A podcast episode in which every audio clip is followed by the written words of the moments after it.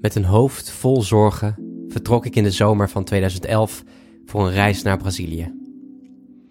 Ik nam een boek mee, aangeraden door een vriend.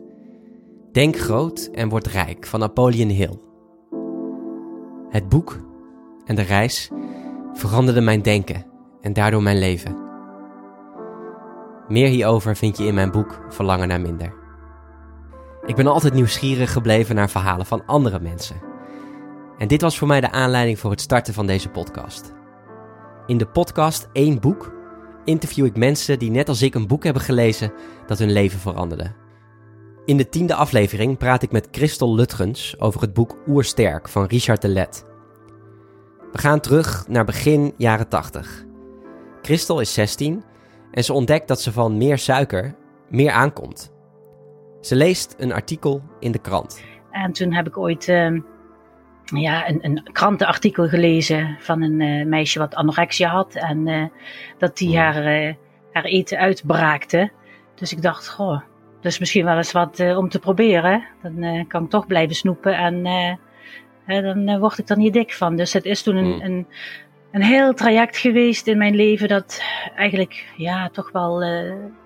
Is het geen bulimia trouwens? Ja, precies, weer... precies. Ja, precies. Ja, ja. ja. Het is eigenlijk mijn hele leven, tot voor een aantal jaren dan geleden, is dat eh, soms heftiger geweest en soms weer minder. En nou ja, in mijn uh, huwelijk is dat in de beginperiode is het ook heel duidelijk aanwezig geweest. Dat ik uh, echt ja, geregeld toch wel dat als een soort escape had. Hè? Die momentjes van, van overeten en, uh, en overgeven. Wist je omgeving ook dat je dit nee, deed? Nee, nee, het altijd voor mezelf gehouden. Ik had wel een, een collega die, uh, die hetzelfde had. En ik weet niet meer hoe we van elkaar uh, te weten zijn gekomen dat we het hadden. Dus dat heeft wel... dat, zij wist er wel van. En we hebben toen daar samen ook wel over gesproken. En, en dat we er iets aan moesten doen. Maar uh, ja, dan ging het weer goed een periode. En dan hoefde er maar wat gebeuren. En dan uh, was dat weer mijn escape. Op een of andere manier iets stiekems te, te kunnen doen. Ja. ja, heel vreemd. Hoe wist je dat van je collega dan? Hoe kwamen jullie dan in contact? Ja, ook met toch wel van, van goh, dan heb je ook die, die caramels gekocht. Ja, ja, ga vanavond op de bank en dan toch eventjes lekker, ja, ja, ja, je wordt wel dik van, ja, ja, nou ja, goed. Ik heb er wel een trucje voor, weet je Zo, zo begon dat. En wel niemand ja, ja. verteld en ja, voor elkaar toch daar open in geweest. Ja, Ook wel steun aan elkaar gehad, ja, inderdaad. Ja, zoals je, als je het nu zo bekijkt, waarom ben je zo gaan, uh, ja, waarom ben je zo gaan eten om, het, om, om, om dat eigenlijk de, dat gevoel um, weg te stoppen?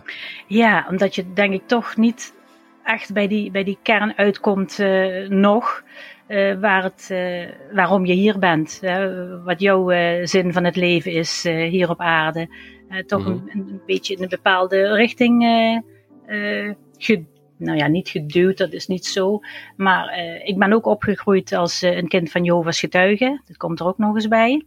Mm -hmm. Dus dat um, is natuurlijk ook zo dat je dan in een bepaalde gemeenschap leeft die ook ja, toch wel heel strikt met oogkleppen opkijken van dit is eigenlijk zoals God het wil, dus zo moet je doen. En hmm. ja, dus bij alle keuzes die je wilt maken in je leven, ook als puber die zo belangrijk voor je zijn om uh, te worden wie je werkelijk bent, uh, word je toch beperkt al hè, door datgene wat uh, van huis uit gezegd wordt en vanuit het geloof gezegd wordt, wat, wat het beste is. En ik denk ja. dat dat allemaal meespeelt. Dat, dat kan niet anders, want ja, op zich heb ik geen hele zware dingen verder in mijn leven meegemaakt, maar en het was ook niet alleen maar kommer en kwel. Dat, dat opgroeien in, in een Jovens getuigengemeenschap, maar je kunt niet echt jezelf zijn. En, nee, gehoorzaam ja. moet je zijn. Ja, precies, ja. ja. ja dat oppervlakkige, zeg maar, dat niet echt dat zingeving hebben in je leven, dat uh, is toch wel iets uh, wat ontbrak. Ja, en dat stopt, je, stopt je eigenlijk weg met eten. Ja. Dat gevoel. Ja, ja. Ja, ja. heel en. Hoe, ja, en hoe, hoe, oud, hoe oud was je dat toen dit speelde, zeg maar, net vlak voordat het boek op je pad kwam? Uh, toen was het weer een hele periode goed gegaan. Maar het, het, kwam eigenlijk in fases kwam het wel weer terug. Ja, dat ik dacht van. Uh, voel me niet zo lekker. En dan, dan zat je s'avonds op de bank, was ik alleen. Mijn man werkte in ploegendiensten. En dan, ja, dan mm. van het een eten. kwam het ander. En dan toch weer eten, ja. ja, ja, ja. Maar, we zitten nu, op dit moment, weet je omgeving dat je dit hebt gehad, neem ik aan. Heel veel mensen niet. Nee, nee. Nog steeds niet. Dus Nee, nee. als deze podcast misschien online komt, dan zou het kunnen dat je familie dit hoort en denkt, oh, dat wist ik niet van Ja, Christel. Ja, precies. Oké. ja. En dan komt er ineens een boek op je pad. Ja, op een gegeven moment kwam eh, het boek Oersterk op mijn pad van eh, Richard de Let. En ik zal je vertellen, Jelle, ik weet helemaal niet meer hoe het op mijn pad is gekomen. Maar ik, ik heb altijd een, Mhm. een, een zesde zintuig gehad voor zoiets. Dus eh, ik weet niet meer precies hoe en wat. Maar in elk geval, Nee. ik zag het voorbij komen en eh, ik heb het aangeschaft. In, het is van 2012, dus in 2013 eh, had ik het. Ja. En toen ben ik het gaan lezen en ja, ik had meteen al zoiets van, het, het gaat om zoveel meer dan, dan al dat oppervlakkige en, en het uiterlijk. En, ja, en hoe hij het vertelde ook, eh, hoe je het heft ook in eigen handen kunt nemen en dat het nou, dat je eigen verantwoording is wat je doet met je leven, wat je in je stopt. En eh, dat het niet alleen maar gaat om het eten, maar dat het ook gaat om de beweging, dat dat zo belangrijk is. En vooral ook de ontspanning en het stukje zelfwaardering, de zingeving. Ja, ik las het boek en ik kon niet meer stoppen. Dus eh, ik heb het denk ik in, in twee dagen heb ik het helemaal uitgelezen en dingen onderstreept. En dit wil ik doen, dat wil ik gaan doen. Het boek Oersterk eh, gaat dus echt over een verandering van leefstijl. Omdat we zo eh, gewoon vinden tegenwoordig dat, dat mensen een jaar of eh, 60, 70 worden en dan chronisch ziek worden. En dat is eigenlijk helemaal niet zoals wij als mens gemaakt zijn. We zouden eigenlijk tot een, tot een jaar of 100 eh, vitaal moeten kunnen leven en dan eh, eh, in 10 jaar tijd aftakelen. hè. En natuurlijk zijn er altijd wel, wel dingen die op je pad kunnen komen die je niet helemaal zelf in de handen hebt. Maar er wordt meestal gezegd van, ja, dat zit in mijn genen. Hè, dat is zo'n mooie quote ook dat, eh, in die in het boek staat van dat er iemand bij de dokter komt en zegt, ja, eh, eh, it runs in my family. En dan zegt de dokter, no, the problem is no one runs in your family. En dan denk ik van, ja, dat is inderdaad wel, wel heel toepasselijk. Ja, maar vooral ook het woord oer, de, de, de O, de, de, ja, de O, de E en de R, die staan dan eigenlijk voor ontspanning, voor eten en die R dan voor regelmatige beweging. Dat dat eigenlijk eh, ja, pijlers zijn eh, en dat sterk, dat is dan voor de zingeving van je mindset. Dat dat datgene is wat, wat zo eh, je gezondheid kan bepalen als je daar ja, ja. je aandacht aan geeft. Hè? Ja. ja, ik had echt zoiets van, ja, ehm, ik kan het niet meer afschuiven op anderen of op, eh, ehm, op, op mijn verleden, mijn opvoeding. Ik ben zelf verantwoordelijk. Nu moet ik het heft in eigen handen nemen en ik moet leider hè, eh, worden. Met, met korte eieren van, eh, Ja. van mijn, eh, mijn leven. Dat, dat, met lange ei, dat, eh, dat had ik gehad. Dat wilde ik niet Ja. meer. En, en Ja. ik had echt het gevoel, dit gaat me daarbij helpen. Dus ik, eh, ik ben Mhm. ook, eh, ja, wat dat betreft, ook eh, lezingen gaan volgen. En ja, toen eh, ging het pas echt rollen allemaal. Na het lezen van dit boek, ik ook eh, natuurlijk eh, meteen ben gaan kijken op zijn site. En Ja. me heb geabonneerd. En toen ben ik ook naar lezingen gegaan. In eerste instantie in Maastricht een keer. En toen een keer met mijn dochter. En toen met een vriendin hebben we eerst een, een halve dag in Wijk aan Zee een cursus gevolgd bij Richard. En toen Hm. een keer in Utrecht. En toen ben ik uiteindelijk in eh 2017 heb ik eh, een drie maandelijkse cursus gedaan, zeg maar, bij hem. Dat was dan drie keer naar Wijk en Zee. En dan met, werd je echt aan de hand genomen. En stap voor stap leerde je dan om ja, je, je leefstijl te veranderen. En inderdaad, van eh, leider met lange ei naar leider met korte ei te worden. Mhm. Het persoonlijk eh, leefstijlplan heette het ook. En ja, dat was zo fijn en mooie mensen leren kennen. En ja, toen is het pas echt gaan rollen. En ik vergeet nooit het eh, telefoongesprek als een soort intake, zeg maar, van ja, gaan we dit wel of niet met jou eh, aan? Dat Richard zei, want het heeft natuurlijk geen zin om aan een eh, dood paard te trekken.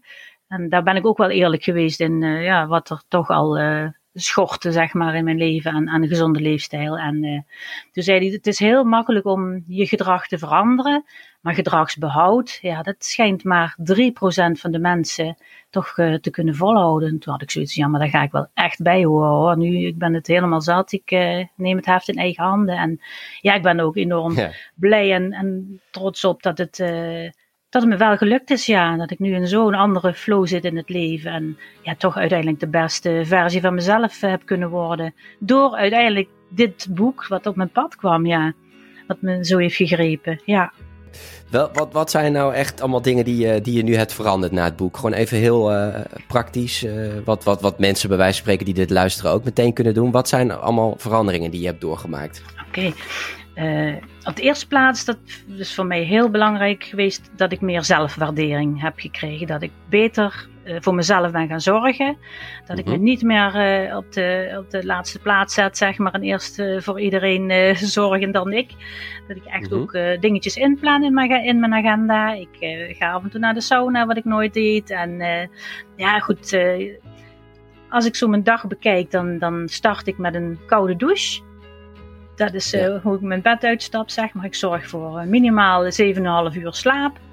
Koude douche, oké, dat is best wel uh, pittig om uh, meteen de dag mee te beginnen. Dat is waar, maar je kunt beginnen met eerst je voeten en dan bouw je het zo langzaam in een twee weken tijd op tot, tot je hoofd. Ja, dit is al best wel hardcore, denk ik, voor mensen. ja, hoe heb je dat gedaan dan? Want het, ik neem aan dat dat best wel lastig was in het begin. Ja, je kunt inderdaad wel eventjes uh, op je ademhaling letten voordat je start. Dus uh, meer uitademen dan inademen. En dan, uh, ja, goed, het is wel ook een kwestie even van een beetje doorzetten. Hè? En, en die benen, dat, dat valt wat mee. Het, het, het, lastigste is meestal de rug.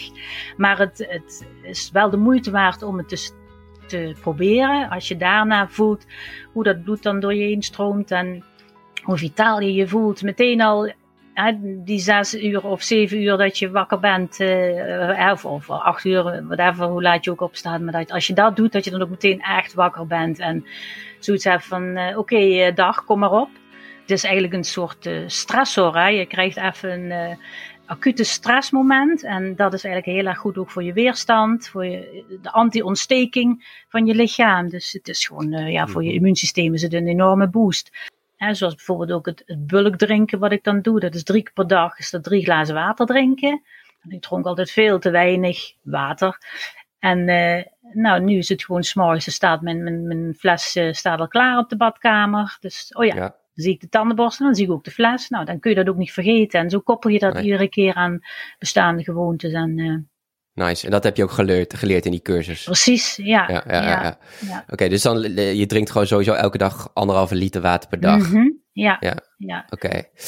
Verder nog, um, nog, nog veranderingen, uh, gewoon als we het even hebben puur qua eten. Gewoon wat je eet en wat je niet eet. Absoluut, ja. Ik, uh, ik zit zeg maar op de 80... Uh, 20 regel. Dat wil zeggen 80% oersterke voeding. En die bestaat mm -hmm. dan uit groente, fruit, kip, vis, paddenstoelen, zaden, pitten, noten, voornamelijk dat.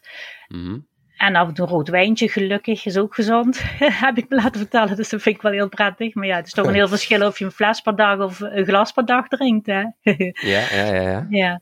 En... Um, even, wel, wel vlees dan? Dat is wel ook echt, uh, een, is dat wel echt nodig? Ja, het, is, het schijnt zo te zijn, of het is zo, dat uh, het uh, moeilijk is om echt de, de, de, de optimale vitaliteit te krijgen in je lichaam zonder de eiwitten van, uh, van vlees en vis. Ja. Terwijl, uh, dit is natuurlijk wel een, een, een, dilemma voor veel mensen en dat begrijp ik ook. Maar uh, ja, ik probeer het ook te beperken. Maar ja, anders krijg je toch wel vrij veel, vrij snel tekorten op het gebied van vitamine B11 en noem maar op. Dus ja. Ja, goed. Ja, ja, ik ben het daar niet mee eens. Maar goed, dat, is, mhm. dat, dat is denk ik een andere podcast. Nee. Dan moeten we maar niet te veel... Uh... Nee, dat is ook prima, ja. Ik heb ook uh, twee dochters en uh, één vriend van, van een van beide dochters die vegetariër zijn. Dus, en daar heb ik ook heel veel respect voor. Maar Oh, ja, ja, ja, precies. Nee, dat, dat, dat, is ook een ander onderwerp. Je hebt natuurlijk de, of het gezond is, ja of nee, of het ethisch is, hè, of het duurzaam precies. is. Ja. En ja, dat zijn allemaal dingen. En met dierenleed en zo, dat zijn allemaal dingen die, maar daar gaat deze podcast niet over. Um, maar oké, okay, dus, ja, dus 80% oersterk voedsel en dan die 20% mag je een beetje cheaten. Precies, ja, dan haal ik toch eens heel af en toe zo'n...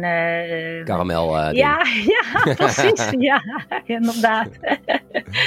en dan, uh, ja, dan, uh, dan, dan, dan kan het gewoon. Dan, dan kan het uh, gewoon, dan kan ja. ik dan ook echt van genieten en zonder schuldgevoel. En dat is ook zo fijn. Ik had altijd ja. schuldgevoel, dus ik heb eigenlijk nooit van die vreedbuien vroeger genoten worden. Dat, dat was ook helemaal, dat ging volgens mij ook niet om het eten. Het is dan toch een gemist of iets in je mm. leven. Hè? Dus, maar nu kan ik dan echt ook, hè, dan breek ik het af van dit is voor vandaag, dat is voor morgen.